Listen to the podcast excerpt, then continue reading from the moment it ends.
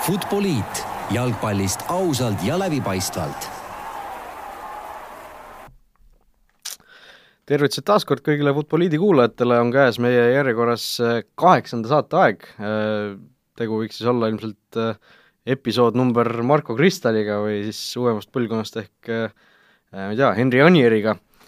igatahes oleme siin taas neljapäeval, täna küll isegi harjumatult varahommikul, kell on siin natukene kaheksa läbi, et jalgpalli asja taas arutada, oleme siin kolmekesi, minu nimi on Raul Ojasaar, minu kõrval ikka Rasmus Raidla. tervist! ja eriti, eriti hommikuselt madala häälega ja ja küll oleme siis täna kutsunud äh, vutiportaali sokkerend.ee vanemtoimetaja Rasmus Voolaidi. väga, kõik oli väga õige, aitäh sulle, tervist ka minu poolt äh,! Jah, kell on siis äh, tõesti, nagu mainitud, äh, noh, pool kaheksa või po pool kaheksa äh, siis Inglise mõistes, pool üheksa Eesti mõistes. ei ole Inglismaa, Rootsi mõistes, Inglismaal on pool seitse ei, selles suhtes, et Inglismaal öeldakse vaata half eight on nagu kaheksa kolmkümmend. selles suhtes, selles suhtes, jah. ma mõtlesin ajavahe ja nii edasi. ma tegelikult lihtsalt eksisin ja siis üritasin päästa aga olukorda, aga okei okay. äh,. keerasime kella siin hiljuti, äh, hommikul kell seitse on juba valge, miks, miks seda vaja on? ei tea, teie mõlemad, ma saan aru, ei ole sellised varas-, varased ärkased muidu,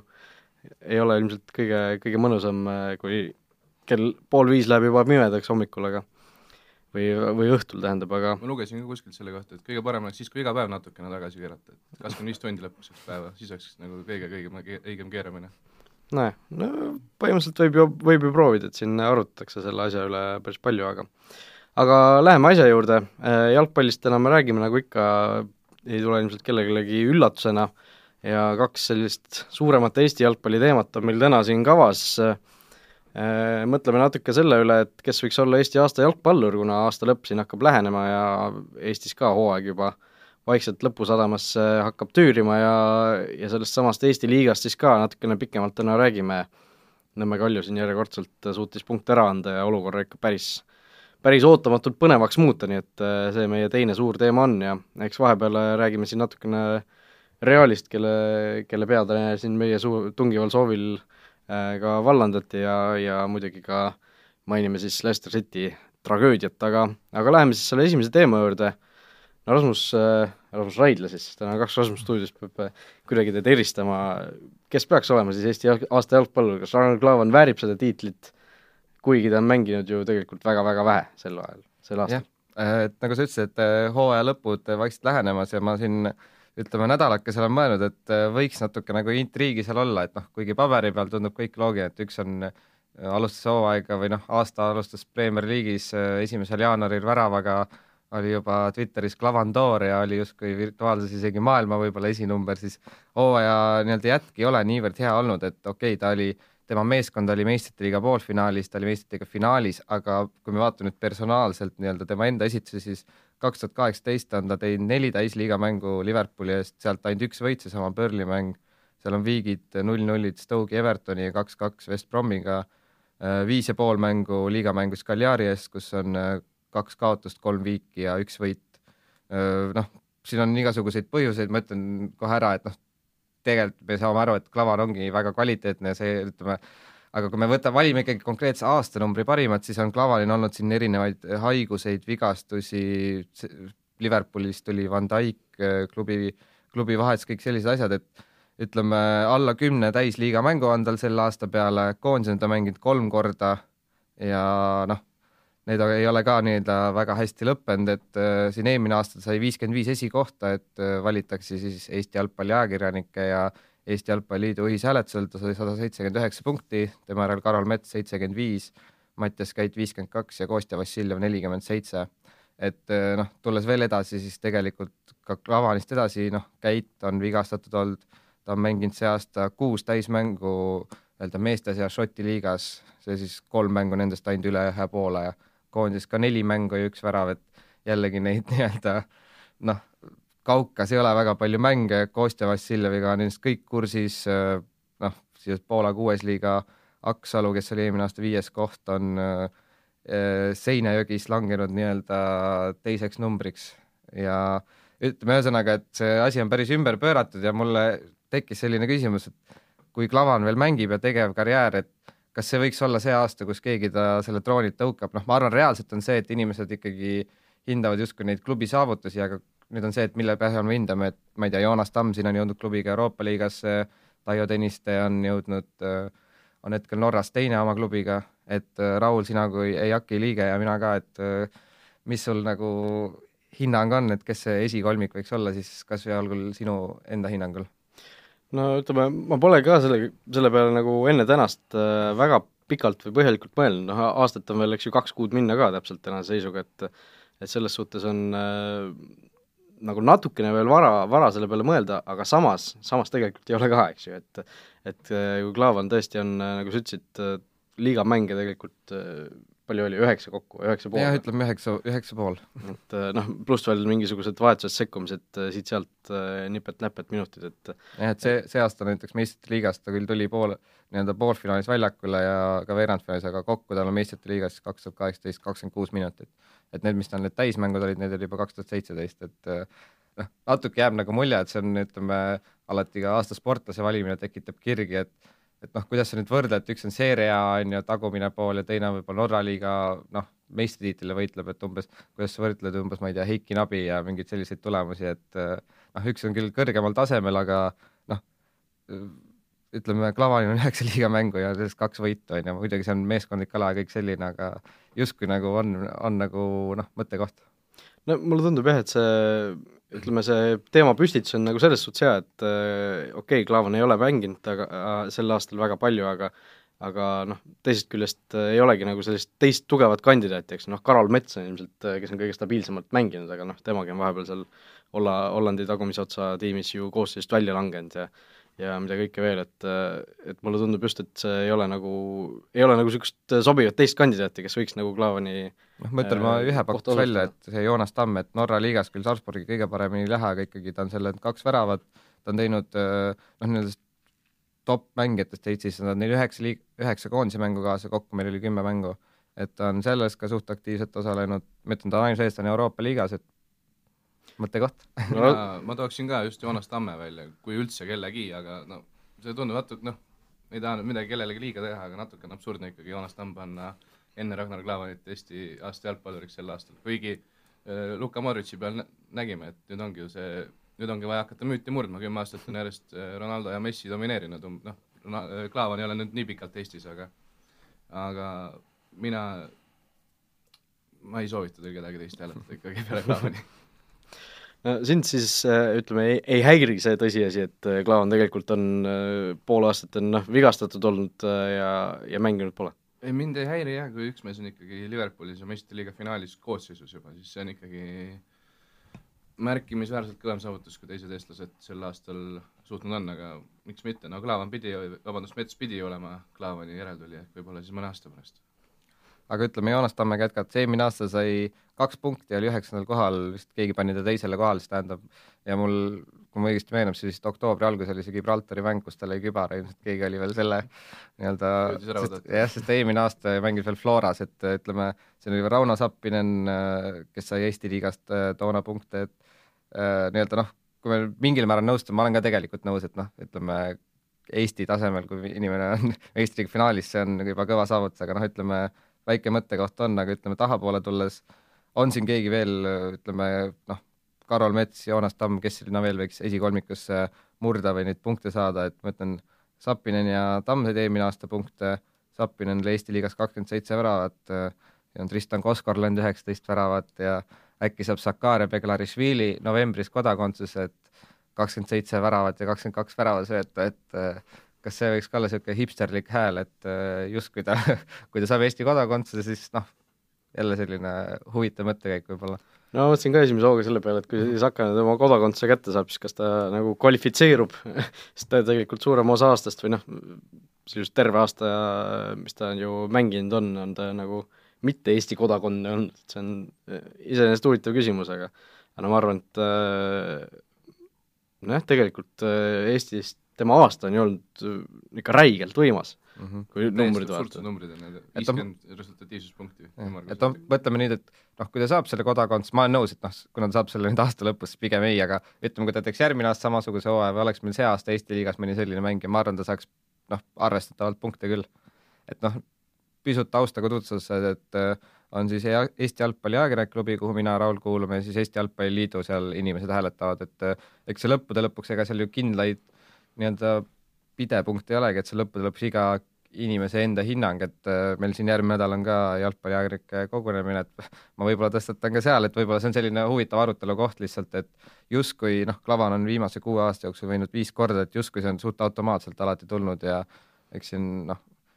inimesed võivad natuke peeglisse vaadata, et tihti on see ka suhteliselt selline, et äh, viimasel hetkel visatakse mingi top kolm välja, välja ja noh, umbes nimede põhjal, et Vassiljev ja niimoodi, aga tegelikult see aasta mulle tundub, et äh, justkui see pudru on natuke segasem. noh, sa ütlesid ka enne, et äh, okei okay,, et Klaavan pole viimased kümme aastat valitsenud, aga noh, kui me võtame selline Eesti aasta parimate jalgpallurite listi ette, siis äh, noh, selline Ronaldo Messi äh, dünaamika on siin ka mõnes mõttes, et Vassiljev ja Klaavan on tegelikult ju viimased äh,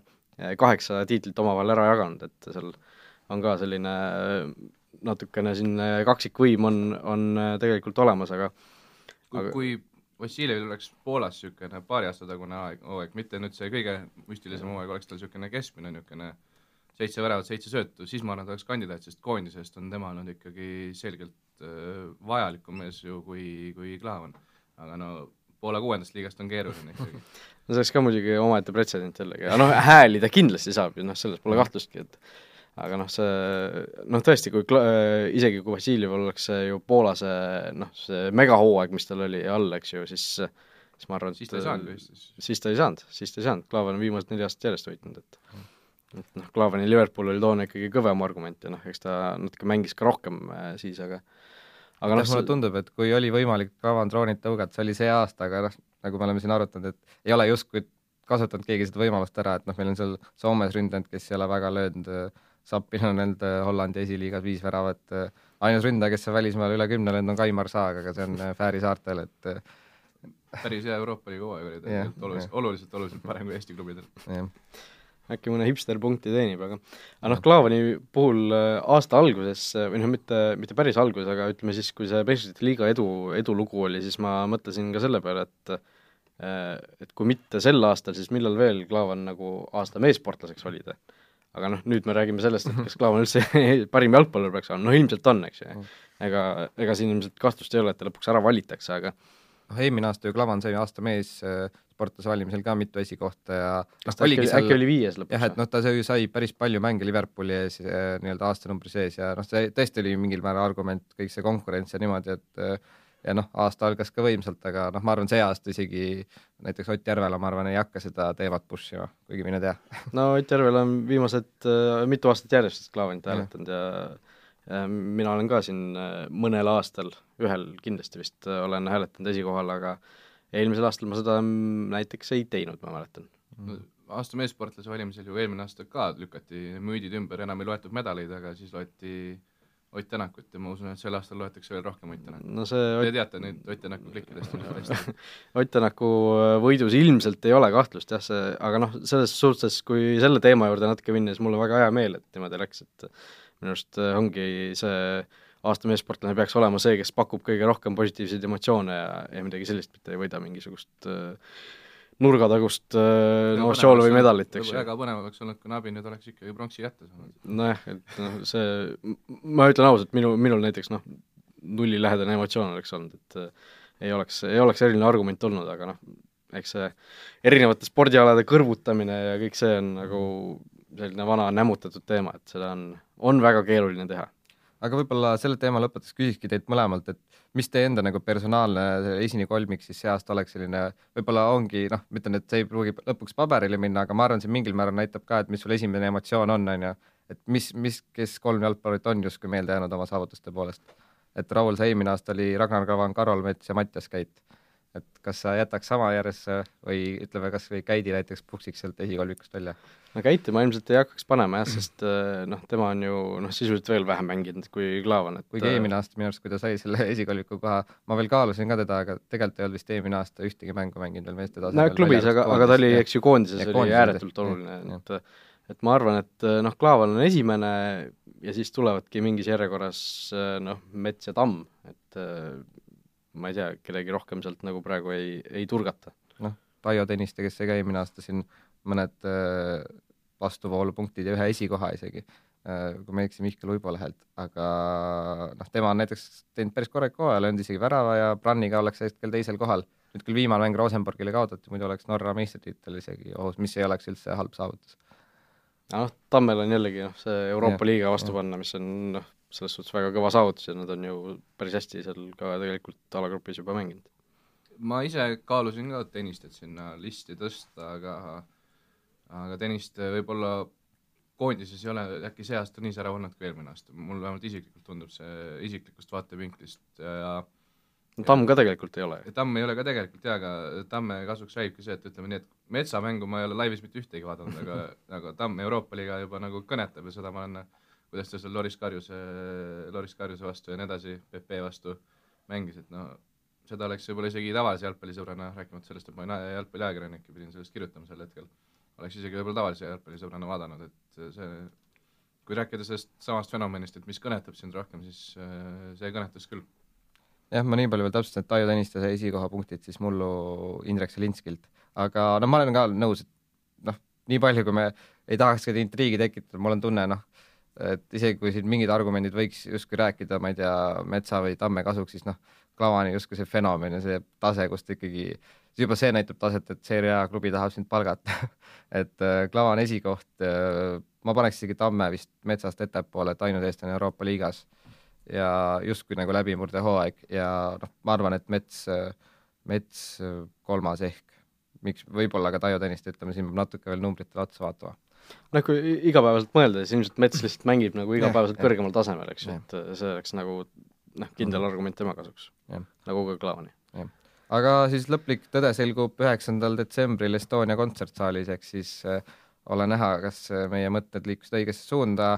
Läheme esimese kiire vaheteema juurde, siis äh, eelmine nädal rääkisime pikalt siin äh, Real Madridi valudest äh,, justkui nõustusime kõik siin stuudios, et noh, seis on kehv äh,, olime ka noh, eeldusel, et oli siis pühapäeval Barcelona kell klassiko, et see võib otsustada päris palju, jäädi päris ruttu null-kaks taha, löödi kaks-üks, oli justkui viigilõhna, aga siis tuli kolmas ja lõpuks üks-viis ja pärast seda vist keegi ei kahelnud, et uh, Julen Lopetegui siis uh, nii-öelda hundipassi varem või hiljem saab ja esmaspäeva õhtul lõpuks see teade tuli ja siin uh, Guillem Balak, kes siis La Ligat, Hispaania jalgpalli üldse regulaarselt kajastab, siis uh, noh, see päev läbi tweetis, et nüüd Conte lendas, Conte arutas, justkui tundus, et noh, pigem oli see, et kas nüüd Conte avalikus täna või homme, ehk siis esmaspäeval või teisipäeval, siis lõppude lõpuks ikkagi esialgu Santiago Solari ja noh, eks siis näha ole, kaua ta vastu peab, et eile esimese niisuguse kergema testi elas üle neli-null Marokos madalama liiga tiimi võideti ja seal noored mängisid, aga nüüd noh, järg, nii-öelda tõsised verstapostid ootavad ees, et uh, usute te, et Solari jääb sinna pulti või tuleb Kont-, Conte või keegi teine, et siin on juba öeldud näiteks uh, Taani jalgpallilegend Mik-, Mikael Laudrup sellest kohast loobus, mis minu jaoks nüüd üllatas, et talle seda pakuti, aga et noh, justkui ka ei ole jälle kõige parem toon, et uh, justkui sellised asjad välja tulevad, et uh, justkui näeb natuke paanika välja, et Laudrup üldse sellele kohale pakuti noh, see viimane peatreener, kelle nad duubli eesotsas tõid endale esindusse, sai nagu vist päris hästi hakkama. too, too oli täitsa enam-vähem nende aga mulle tundub ka, et seal Realis on paanika ja võib-olla selle, nende sündmuste valguses ei olegi nagu Lopetegi see mees, keda oleks võinud esimeses, esimeses, esimeses järjekorras vallandada, kui oleks kuidagi Perese sealt eest, eesotsast maha saanud, oleks võib-olla isegi Realile kasulikum olnud, sest äh, mulle tundub, et need probleemid võib-olla algavadki sealt tegelikult. Noh, ilmselgelt nad algavad sealt, aga aga nagu seda nagu ei saa vist nii kergesti välja tuua, kui peatreenerile otsa vaadata, et äh, muidugi see Lõpetegi case omamoodi on päris huvitav, kuidas mees suutis äh, poole hooajaga mängida endal maha suure MM-i ja klubide MM-ile ka ei jõudnud ei jõudnud detsembrit ära oodata Real Madridi eesotsas, aga nagu sellest ma arvan, viimasest mõnest kuust võiks Lopetegist mingi filmi või vähemalt jalg, nii-öelda jalgpalliraamatu kirjutada, et suhteliselt niisugune ainulaadne case. Kuskil oli jah, see mingisugune säuts ka või mitte säuts, vaid äh, üks Hispaania sati-, satiiriportaal kirjutas, et et nüüd Lopetegi üritab, üritab kuldset kübartükki saada, et noh, kui ta on baski rahvusest, siis Hispaania koondis ja Real on nagu maha võetud, et nüüd äh, järgmisena on siis Hispaania kuninglik perekond, mis tuleb kuidagi ära hävitada. aga jah, tõsiseks jäädes siis ka, et Lopetegiil oli põhimõtteliselt natukene nagu sarnane case nagu Moisil, kui ta võttis Unitedi üle, et äh, väga pikalt väga,, väga-väga pikalt oli seal ühte asja aetud äh, Fergusoni käe all ja nüüd äh, Realis oli samamoodi, oli Zidane oli, oli enda käe järgi selle asja ära sättinud, aga veel rohkem nagu oli kogu klubi ikkagi Ronaldo ümber ehitatud ja nüüd äh, ei olnud Ronaldot, Manchester Unitedil ei olnud, ei olnud Fergusoni ja siis pidi nagu nii-öelda vanadest juppidest hakkama enda moodi seda kuidagi seda puslet kokku panema ja no kui sul ei toodagi sinna uut nii-öelda seda jokkerit, kelle ümber ehitada, siis äh,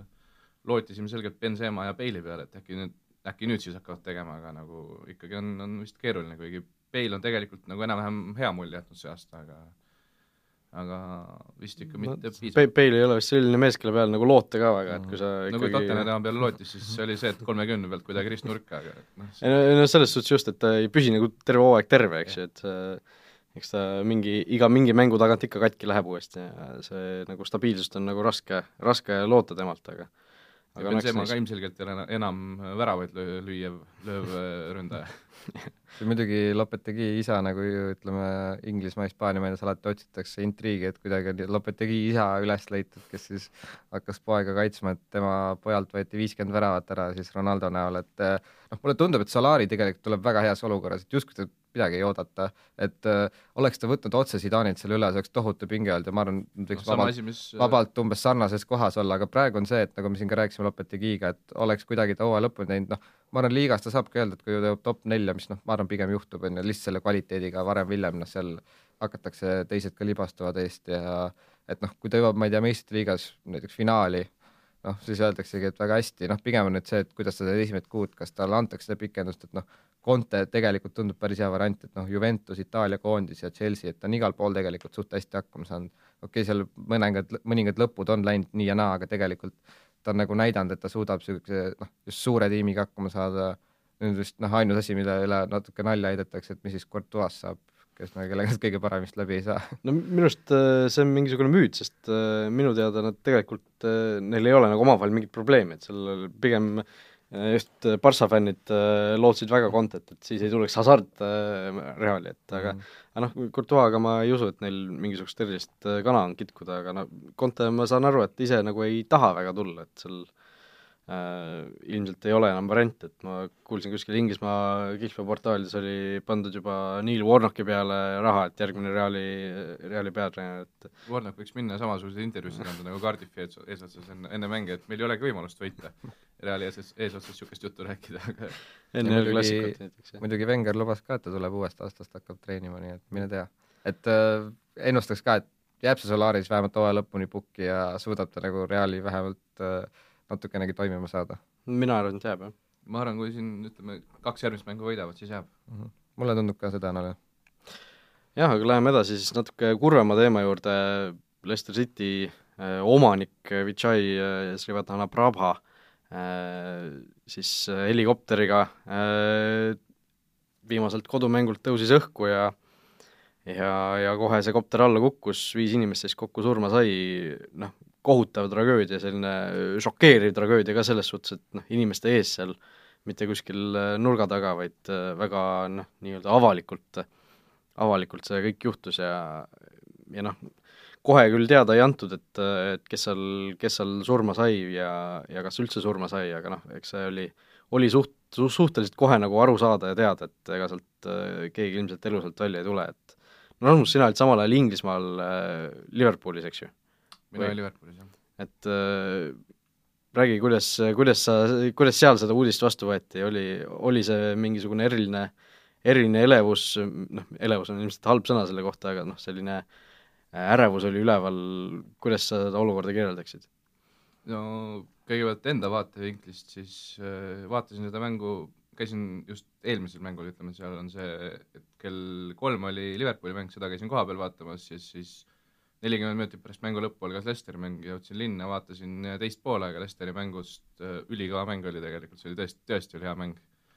umbes pool tundi nägin või kolm, nelikümmend minutit ja iga paari minuti tagant oli väga ohtlik olukord, tõesti, tõesti oli hea mäng. ja siis äh,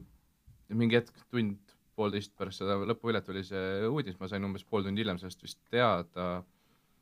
iga minut, mis nagu edasi läks, siis mul oli, et nagu tekkis, aga algul oli väga suur nagu selline pessimism, ma tõesti ei uskunud, et keegi sealt ellu suutis jääda, aga kui juba järgmine päev ja keskpäev ja nii edasi oli ka läbi, siis ma juba arvasin, et kui ikka pole teatatud, siis äkki isegi, äkki isegi nagu on haiglas mingisugune elu, elu eest võitlemine ja nii edasi, aga aga ütleme, Ing-, Inglismaa jalgpallifännid äh, muidugi nad teadsid sellest, nad rääkisid sellest omavahel, aga sellist äh, Liverpoolis sellist nii-öelda pinget või mingisugust mälestamist või sellist äh, nii-öelda mustades toonides äh, lipu poolde vardasse laskmist, ega sellist nagu asja nagu ei olnud, aga omavahel räägiti, ma ka mõne Inglismaa fänniga, kui jalgpallist rääkisin, siis noh, võib-olla esimene asi oli see, et Liverpool võitis eile ja teine asi oligi juba see, et aga tead, mis seal Lesteris oli ja nii edasi. No Srevadan Praba väga-väga selline kõva nimi Lesteris äh,, hästi palju tegi noh, lisaks sellele, et ta klubi ju tegelikult äh, meistritiitlini äh, viis, noh, mõnes mõttes, siis äh, rahastas ka väga palju igasuguseid haiglaid äh,, tegi heategevust äh,, noh, oli väga-väga selline populaarne ja hea nimi ja, ja noh, on Inglismaa meedias ka välja toodud, et selline eeskuju, milline võiks olla üks noh, ideaalne välismaalt tulnud äh, hea klubi omanik. jah, et äh, noh, kui midagi, ütleme kindlasti väga kurb sündmus, et äh, lihtsalt ainus asi, mis on võib-olla nii-öelda positiivne või tore olnud lugeda kõikide mängijate mälestused, kuidas vist Kaspar Schmeichel kirjeldanud, kuidas ta noh, võttis ta, ütleme noh, veel ju Lester oli madalamates liigades, et äh, visiooniga, et äh, noh, jõuame kõrgele ja nii edasi, et äh, noh, mis veel mul jäi natuke, mõtlesin, et siin see Lesteri sama mäng, mis sa rääkisid, et lõid kaheksakümmend üheksa minutit selle üks-üks värava, et umbes veerand tundi pärast seda tõusis õhku, et nägi umbes kakskümmend 20... tegelikult oli, see oli Rauli viga, Raul kirjutas see oli minu viga, jah. tegelikult oli seitsekümmend viis minutit. okei okay., no ütleme, no see selleks, ütleme, aga see tuli kõik sellest kella keeramisest, kusjuures mm -hmm. Flashcore ei olnud kella keeranud ja siis äh, sealt läks äh, mm -hmm. lumepall hakkas veerema, ütleme. jah, et noh, ütleme, noh, sa tõid kõik punktid välja, et tõesti tundu, tundub ja tundus tõesti üdini positiivne kuju ja ma arvan, et kui me siin mõndade muusikute puhul oleme näinud, et võib-olla selline ootamatu surm justkui tõstab seda legendi staatust veelgi, siis ma arvan, kõik see, mis ta tegi väljaspool platsi ja Celeste oli noh, ütleme ikkagi jalgpalli ajal üks suuremaid tiitleid, et noh, ma arvan, sellest mehest räägitakse veel viiekümne aasta pärast ka just, just mingil määral ka sellepärast, et see surm justkui nii ootamatu oli ja siin vist räägitud ka, et võib-olla staadion tema nime järgi ja nii edasi, et ütleme jah, rahu, rahu tema põrmule. Jah, ja noh, see asi nagu tuletas veel meelde ka, kui, kui jabur ja absurdne tegelikult oli see Lesteri tiitlivõit üldse, et noh, tõesti tühja koha pealt äh, kõikide noh, kogu selle top kuue selgprügiseks teha, et noh, uskumatu. ja kui, filmi nendest, filmi narratiividest ja stsenaariumitest rääkisime, siis kui kui Lesteri tiitlivõidust veel pole filmi hakatud väntama, siis sai see nii-öelda mm väga kurva, kurva lõpu saaks see film ilmselt, saaks, saaks kuidagi -hmm. tõeliseks kassahoitiks veel, veel rohkemgi keerata seda. -hmm. just nii, aga läheme tagasi või noh, tuleme tagasi Eestisse, äh, Premium-liigas on siis mängida jäänud veel kaks vooru ja, ja seis on, on intrigeeriv, Nõmme Kalju siis viimati Paide linnameeskonna vastu väravat ei suutnud lüüa, leppis null-null viigiga ja ja olukord on siis äh, noh, selles suhtes lihtne, et äh, nii Kaljul kui Floral on nüüd kaheksakümmend punkti, Levadial äh, on äh, seitsekümmend kaheksa, ehk siis vaid kahe punktiga on, on siis esikahest taga ja ja Kaljul küll nii Flora kui Levadiaga on võrdsete punktide korral eelis, eelis olemas omavaheliste mängude näol, aga aga ütleme nii, et see eksimisruum, mida oli siin veel mõned voorud tagasi, oli, oli päris korralikult, on nüüd noh, täiesti ära kadunud väga kahju, et Eestis seda tiebreakeri reeglit on muudetud, enam seda lisamängu asja, lisamängu teemat ei ole. suhteliselt suure tõenäosusega, ma arvan, sel aastal see võib-olla isegi tuleks. jah no., ma ka eile mainisin, et äh, kahju jah, et eelmine aasta oli see ju teema enne viimast vooru, aga praegu ka noh, ei ole lõpuni valmis, et võiks olla kolm tiimi samadel punktidel, mis oli ka eelmine aasta reaalne, et äh, aga noh, ma saangi aru, et see vist on see, et lihtsalt läheks jaburalt pikaks see hooaeg, aga noh, natuke kurb, kui ütleme, omavahelised mängud äh, otsustavad oleks väravate vahe, oleks praegu Floral, Levadial millegi nimel pingutada, kuigi neil see on juba kõvasti plussis Kaljuga võrreldes. mul on tunne ka nende premium-liiga turunduse poolest oleks see, eelmine aasta räägiti, et see oleks väga lahe mäng tegelikult, mis võiks tulla, et noh, et jalgpalli puhul on natuke räägitud sellest, et ei ole justkui Kossus seda play-off'i, et nüüd on kullamäng, kuigi jälle see hooaeg noh, tegelikult läheb viimasele vooru, et mingil määral on, aga see käib ikkagi nii, et natuke, mis seal teises mängus toimub, nii edasi, et oleks see, et nüüd näiteks Kalju Flora mängivad noh, ma arvan, see võiks tuua siin vist kümmekond aastat tagasi oli siin umbes publikurekordid, kus mingid Levadia Flora mängust kolm pool või? tuhat, et ma arvan, selle võiks noh, õige turundamisega öö, isegi lõhki lüüa, et ütleme, kui see viimane koondise mäng oli kolm tuhat, noh, kindlasti oleks palju ilmast ja kõigest muust, aga öelda see, et nüüd see mäng otsustab tiitli, võib, ma ei tea, penaltiteni minna, see oleks ülimalt, ülimalt lahe, aga noh, ütleme õnneks või kahjuks seda ei ole noh, mäng miljoni, miljoni euro peale, noh, mitte päris tegelikult, kuna see teine koht saab ka ju ikka midagi, aga noh, selline neid äh, turundusnurki oleks päris palju, et ma arvan, et Veiko Soo kuskil nerib küüs, et miks me selle reegli ära kaotasime, aga huvitav, kas järgmine hooaeg on see jälle olemas? Aga noh, ma, ma arvan, et jah, see, kui sellest nagu lahti saadi, siis äh, eks see oli vist niisugune mingisugune äh, väga vana pärand ka, et jah, mul on tunne, et võib-olla normaalsetes liigades nagu see võib-olla oligi vanast ajast ja siis Eebil Oheg vaadati, et hakkad sellest rääkima ja siis võib-olla vaatad see punkt üle, et kuna see tõesti muutus aktuaalseks. jah, kaks aastat tagasi oli see, kui,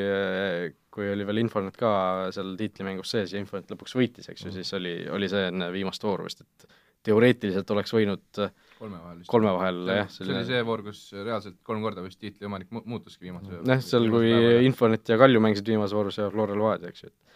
et seal äh, oli tõesti, oli nagu kõik vägagi õhus, aga aga lõpuks ikkagi lisamängu ei näinud ja, ja no tõesti praegu enam seda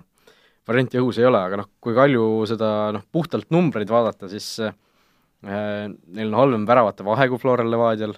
nad on löönud äh, vähem väravaid kui Flora, täpselt sama palju kui Levadia, ja nad on äh, kaitses olnud halvemad kui Flora ja Levadia, et äh, kust need punktid ikkagist nagu tulevad?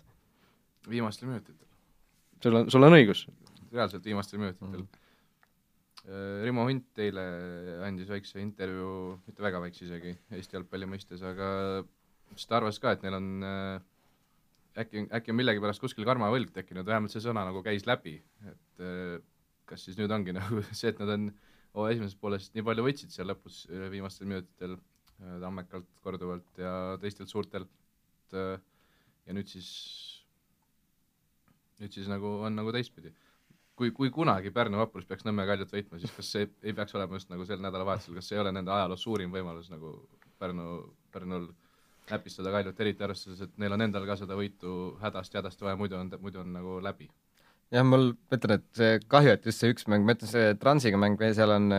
on nagu libastumisoht, aga kahju, et see teine on nii-öelda vaprusega, et noh, ma olen nagu, nagu karmilt aus, et ma ütlen, ainus tiim minu arust, kes ei suuda Kaljut nagu raputada, on Pärnu vaprus, et eriti äh, kui nüüd Kalju nagu vihale aetud, aga noh, mine tea, ütleme, me siin rääkisime mitu nädalat tagasi, et Kalju tiitel tundub nagu kindlamast kindlam, siis noh, mine tea, aga et äh, me oleme siin Kaljust natuke rääkinud, et see on ikkagi kummastav, kuidas, kuidas nad ei ole kaotanud, et kakskümmend kolm võitu ja üksteist viiki, siin äh, paar nädalat tagasi oli see kaks mängu suurtega, kus noh, mõlemad oleks võinud vabalt kaotada ja oleks hoopis teine seis kuigi mul on tunne, et jällegi noh, siis oleks tabelis siis natuke teine, võib-olla viimased mängud oleks siis ära võetud, kunagi ei tea, et siin on vist Hunt ka vihjanud, et justkui on see pingelangus, et inimesed juba räägivad, kus me seda tiitlit tähistame ja nii edasi, on ju. et äh, ja noh, lõppude lõpuks jõuame ikkagi selle jah, mängude lõpud ja siin äh, see võtmemäng, mis siin mais oli, mitu mängu, mis Kalju ära päästis ja just see, ma vaatan siin viisteist mai, Kalju Levadia, jah, et Aleksandr Volkov justkui on pool aega vigane olnud, aga tundub, et tema võib olla põhiarhitekt sellel, noh muidugi Lilju ja kogu meeskond on hästi mänginud, aga tõesti see mäng, mis toona noh, ma nüüd peast äh, pakun, aga minu arust oli see mäng umbes, kus siin äh, Rogic on ka tihti öelnud, et noh, mai keskel ütles, et noh, pole hullu, et äh, siin tuleb veel pikk hooaeg ja kõik libastuvad ja nii edasi, aga noh, muidugi alati saab niimoodi iga mänguga vaadata, aga see tundub üks võtmehetke just neid, äh, kus Kalju suutis nii-öelda noh, libastumisi vältida no tegelikult neid võtmehetki on äh, olnud päris palju, et ma kirjutasin lausa endale välja, et äh, vaatasin siin statistikat ka natuke, et äh, noh, Levadia on kolmandal kohal, aga nad on kolmekümne nelja vooru peale jäänud kuues mängus vaid kaotusseisu. ja, ja sellest saanud kätte siis null võitu ja kaks viiki, ehk siis kui Levadia on jäänud kaotusseisu, siis nad ei ole sealt suutnud väga välja tulla, et nad on kaks punkti võidud, võitnud siis mängudest, kus nad on jäänud kaotusseisu, mis on uskuge või mitte, kõige halvem näitaja liigas. Levadia siis? Jah, minu arust üks oli neil Kuressaare vastu näiteks, kus näiteks, kui nad oleks selle võitnud, oleks ka kaheksakümne punkti peal, et noh, siin on niisuguseid huvitavaid hetki olnud päris palju. et äh, samal ajal Kalju on siis jäänud üheksa korda kaotusseisu mängudes ja on võitnud nendest mängudest äh, seitseteist äh, punkti lõpuks. et nad on äh, siis äh, neli võitu ja viis viiki kätte saanud, Flora on siis äh, ka üheksa korda jäänud, saanud kätte kaks võitu, viis viiki ja kaks kaotust ehk siis äh, noh, see vahe on noh, kolossaalne tegelikult, mis juhtub Kaljuga, kui nad jäävad kaotusseisu, mis juhtub näiteks Levadiaga, kui nad jäävad kaotusseisu ja ja tegelikult need äh, Kalju, see Kalju maikuu oli ikka päris, päris pöörane, et neljas mängus tegelikult tuldi siis kaotusseisust välja, Paidega, Paide vastu kaks korda jäädi kaotusseisu, noh, Levadia mängust juba rääkisime, kus Volkov üheksakümmend pluss üks, Volkov üheksakümmend pluss kaks tõi siis mängud ära ja Tammeka vastu jäädi kaotusseisu, Flora vastu jäädi kaotusseisu, üheksakümmend pluss neli Elhili viigi värav, et noh, see selles suhtes nagu täiesti uskumatu seeria, et ja noh, kui vaadata seda, et kui mängud lõpeksid üheksakümne minutiga, eks ju, kui lisaminuteid ei oleks või noh, arvestada niimoodi, siis, siis oleks Floral juba meistritiitel noh, sisuliselt, sisuliselt kotis, neil oleks kaheksakümmend üks punkti, Levadia seitsekümmend seitse, Kalju seitsekümmend kolm. et päris jõhker vahe. jah ja mul, kes mulle veel tundub Kalju peidetud jokker, on see Marko Bertan, kes on siin mitu punkti Tammeka vastu päästnud, siin viimane kaks-kaks mäng ta lõi värava, siis ta on vähemalt korra veel löönud üks-null värava, et selline noh, pigem ju kaitsva suunitlusega või niisugune kontrollib seda keskvälja, aga nii-öelda trahvilöökides või nurgalöökides on siis selle pea vahele saanud, et äh, jah, ütleme noh, muidugi oleks nüüd huvitav, kui Kalju ei kaotaks ühtegi mängu, kaotaks tiitli ja mingil määral nad võivad võib-olla tänada, et eelmine hooaeg jäädi kolmandaks, kui ma ei eksi, et selle, see tähendab seda, et noh, eelmise hooaja meistrid või esimesed kaks lähevad vastamisi, et neil on justkui natuke lihtsam mäng, et Narva Transiga, et äh, noh, kui me räägime sellest, et Kalju nüüd ilmselt Vapruse vastu ei libastu, aga võib Transiga keerulisemaks minna, kuigi Trans on ka natuke viimasel ajal noh, nii ja naa on siin kaotatud üks-neli tulevikule, aga noh, kahemeelses, kahemeelses vähemuses. jah, ja Levadia ja Flora, noh, see tähendab siis, et Flora peab Levadiat võitma, mis ei ole kindlasti lihtne ülesanne. aga noh, praegu lihtsalt jooksvalt hakkasin mõtlema, et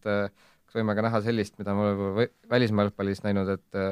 Flora või Levadia poolt väike motivatsioonipaketike äh, Ida-Virumaale, et et kui tuleb ära, siis saavad iga mängija näiteks tuhat eurot kätte nagu, nagu Samir Handanovitšile tagantjärgi see kast üles või midagi sellist. kes osutus siis moslemiks ja ei joo alkoholi. Seda probleemi vist Ida-Virumaal ei ole, et mingit raha ei kasuta. Eriti pärast hooaja viimast mängu. Ega jah, ei, ma tahtsin ka Britannini varem või hiljem jõuda, et ma usun, et see on hooaja parim üleminek olnud. Mm, -hmm. kindlasti Kaljul olid väiksed probleemid, Tomas Jan läks ära, keskväljal oli, oli noh, ilmselgelt üks mees oli puudu keskväljalt ja toodi selline mees, kes hakkas neile järsku ka ülitähtsaid väravaid lööma, Tammeka vastu ma arvan,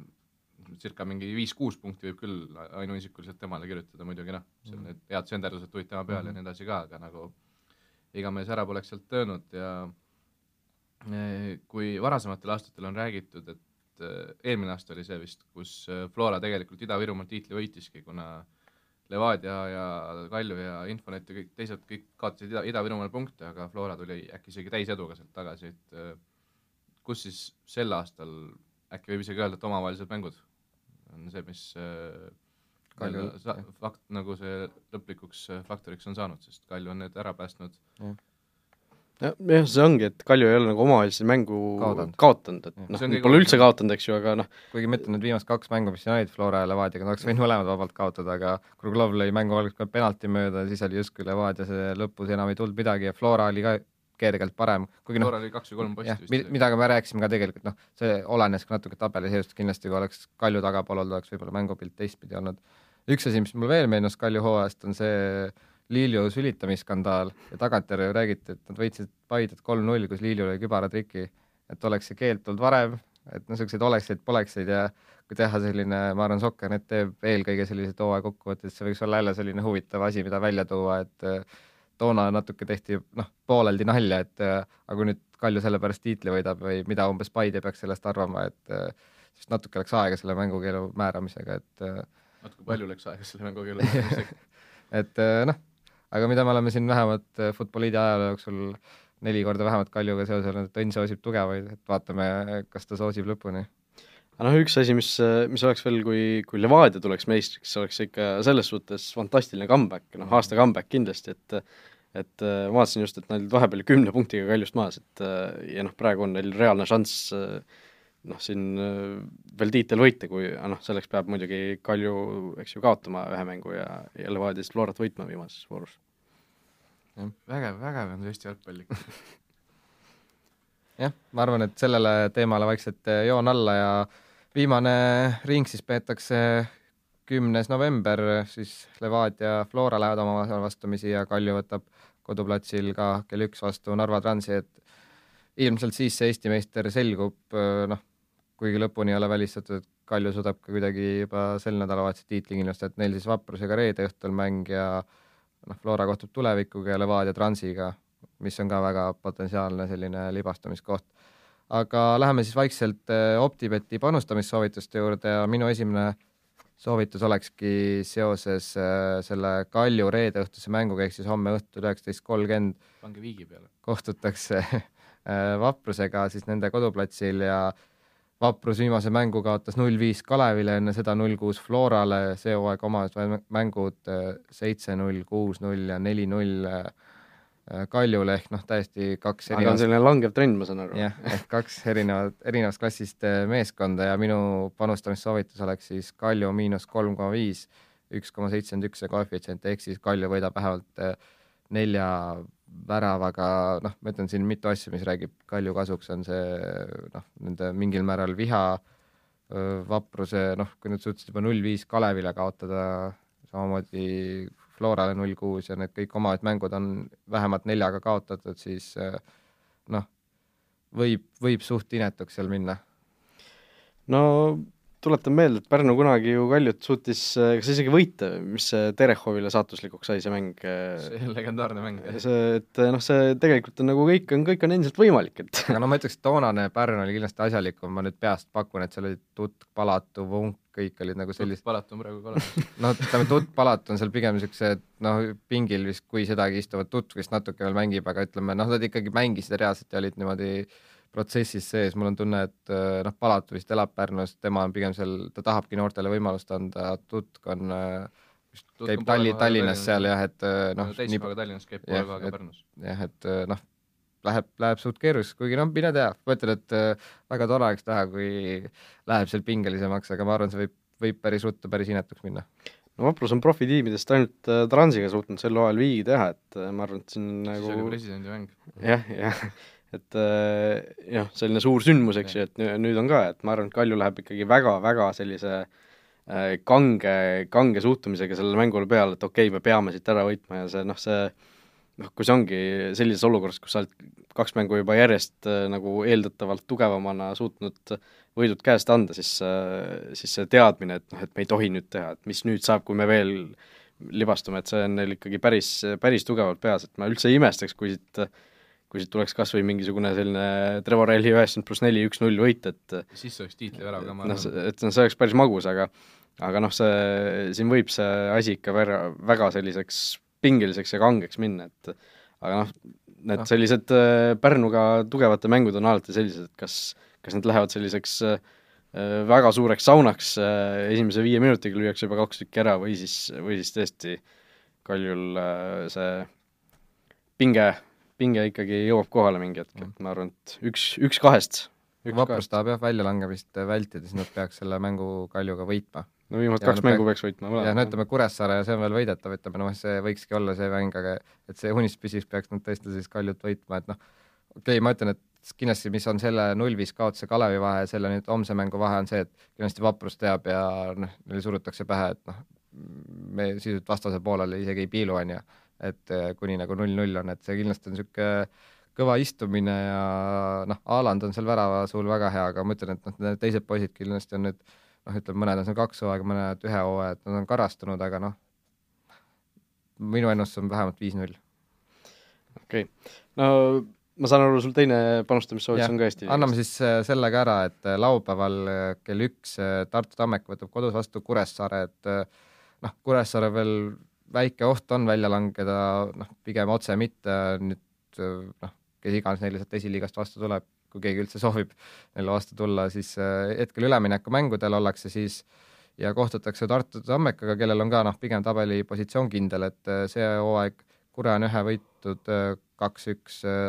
nüüd peaks Tammekal olema Kapperil punane kaart ja Graubergil ka mängukeeld ja Kuressaare pluss kaks on siis üks koma seitsekümmend üks, see tähendaks siis, et panus kaotab, kui Tammeka võidab kolme väravaga või enam, et võib muidugi alati juhtuda, aga mulle tundub, et äh, umbes ühe-kahe väraga võikski Tammeka võita, et Tammeka on favoriit, aga Kuressaare on ka kindlasti karastunud, äh, noh, Tammekal ei ole ühtegi põhjust seal saun, sauna kütma minna ja et noh, mulle tundub väga tõenäoline, et Tammeka võidab, aga mitte nii-öelda kolme või enam väravaga, et äh, nii-öelda vähemalt raha tagasi võiks selle panusega saada küll. No Kuressaare on ju tegelikult viimasel ajal päris okeilt mänginud, ma ei tea, kas Sander Laht on oma reisilt tagasi tulnud, kus ta siin eelmisel mängul oli, et et siin on järjest ju võidetud äh, tuleviku võõrsil, äh, kodus tehti Tallinna Kaleviga see mälestusväärne kolm-kolm viik, üks ilmselt aasta mängukandidaat ja siis Flora vastu ka, noh, neli-null kaotus saadi, aga tegelikult päris pikalt ju see seis seal selline suhteliselt väike püsis. ei, ma, ma usun, et Laht on tagasi, jah Kuressaare on jah, kodus on nad ikka väga kõvasti pannud tegelikult, aga Tammekal midagi on, on püüda veel küll, neil on see viies koht püüda, mis on nende ajaloo, oleks nende ajaloo parima tulemuse kordamine.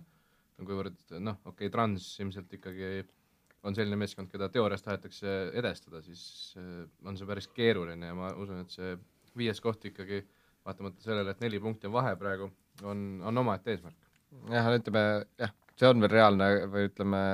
matemaatiliselt võimalik, aga noh, aga Paidel on tulevikuga viimases jah, peavad mõlemad mängud võitma ja Paidel on nii tuleviku Kaleviga, kus nad noh, peaks mõlemad siis kaotama, et pigem, pigem raske. just nii, aga mina eh, oma saav-, soov, soovitustega nende saavutustega lähen siis äh, nagu ikka Inglismaa kõrgliiga suunas ja, ja on siin äh, laupäeval kavas selline suur mäng nagu äh, Arsenal-Liverpool. Londonis see mäng toimub ja noh, Arsenal-Liverpool mõlemad tegelikult hooaega päris hästi ju alustanud, Arsenal siin küll esimeses kahes mängus sai kaotused kirja Manchester Cityt ja Chelsea't, aga seejärel on siis võitis ju kümme mängu järjest kõigis sarjades ja siis nüüd viimase voorus tegi Crystal Palace'iga kaks-kaks viigi, et noh, ja Liverpool samal ajal on siis äh, endiselt Cityga samade punktide peal ja kaotuseta, et äh, Arsenali koefitsient kodumängus kolm koma nelikümmend üks, et äh, ma arvan, et noh, kui eelmine, eelmine nädal rääkisime siin Madridi Reali peale panustamisest El Clasicos, kus väärtus oli suurem, siis siis ma arvan, et siin on ka noh, tegelikult sarnane, sarnane olukord, aga et Liverpool on soosik, okei okay,, isegi võõrsil, aga see Arsenali koefitsient on lihtsalt nii hea, et et oleks patt mitte, mitte kasutada. Jah, mulle tundub, et natuke riske hajutades siis kas võtta nii-öelda äh, Asian null või nii-öelda viik ei loe, ehk siis kui viik saad raha tagasi või siis Arsenal äh, võit või viik, see tundub ka, ütleme, kui neil on see kolm koma nelikümmend üks, siis ma vaatan kohe, mis see ütleme, võit või viik on siis üks koma kuuskümmend kuus ja panus ilma viigita on siis kaks koma nelikümmend kaheksa, et äh, võib-olla see kaks koma nelikümmend kaheksa tundub ka päris huvitav, et siis noh, viigi puhul raha tagasi. just nii ja, ja teine, teine mäng on siis äh, minul äh, Chelsea ja Crystal Palace, äh, see on siis pühapäevane mäng, Chelsea on siin hästi mänginud, Crystal Palace suutis viimati Arsenali vastu viigi välja võidelda ja oli seal ju tegelikult noh, oleks pidanud isegi ilmselt võitma, seal Arsenal tegi natukene käega mängu selle ühe värava puhul, mis seal väravajoone tehnoloogiaga ära otsustati, aga aga noh, selles suhtes äh, seda arvestades on Palace'i koefitsient ikka väga kõrge, et tavaline üks, üks, kaks äh, võidukoefitsient on neil kümme koma kolmkümmend viis, aga aga minu siis selline panustamissoovitus äh, läheks siis hoopis sinna handicapi suunas, et Palace'ile siin ütleme, üks koma viis väravat ette andes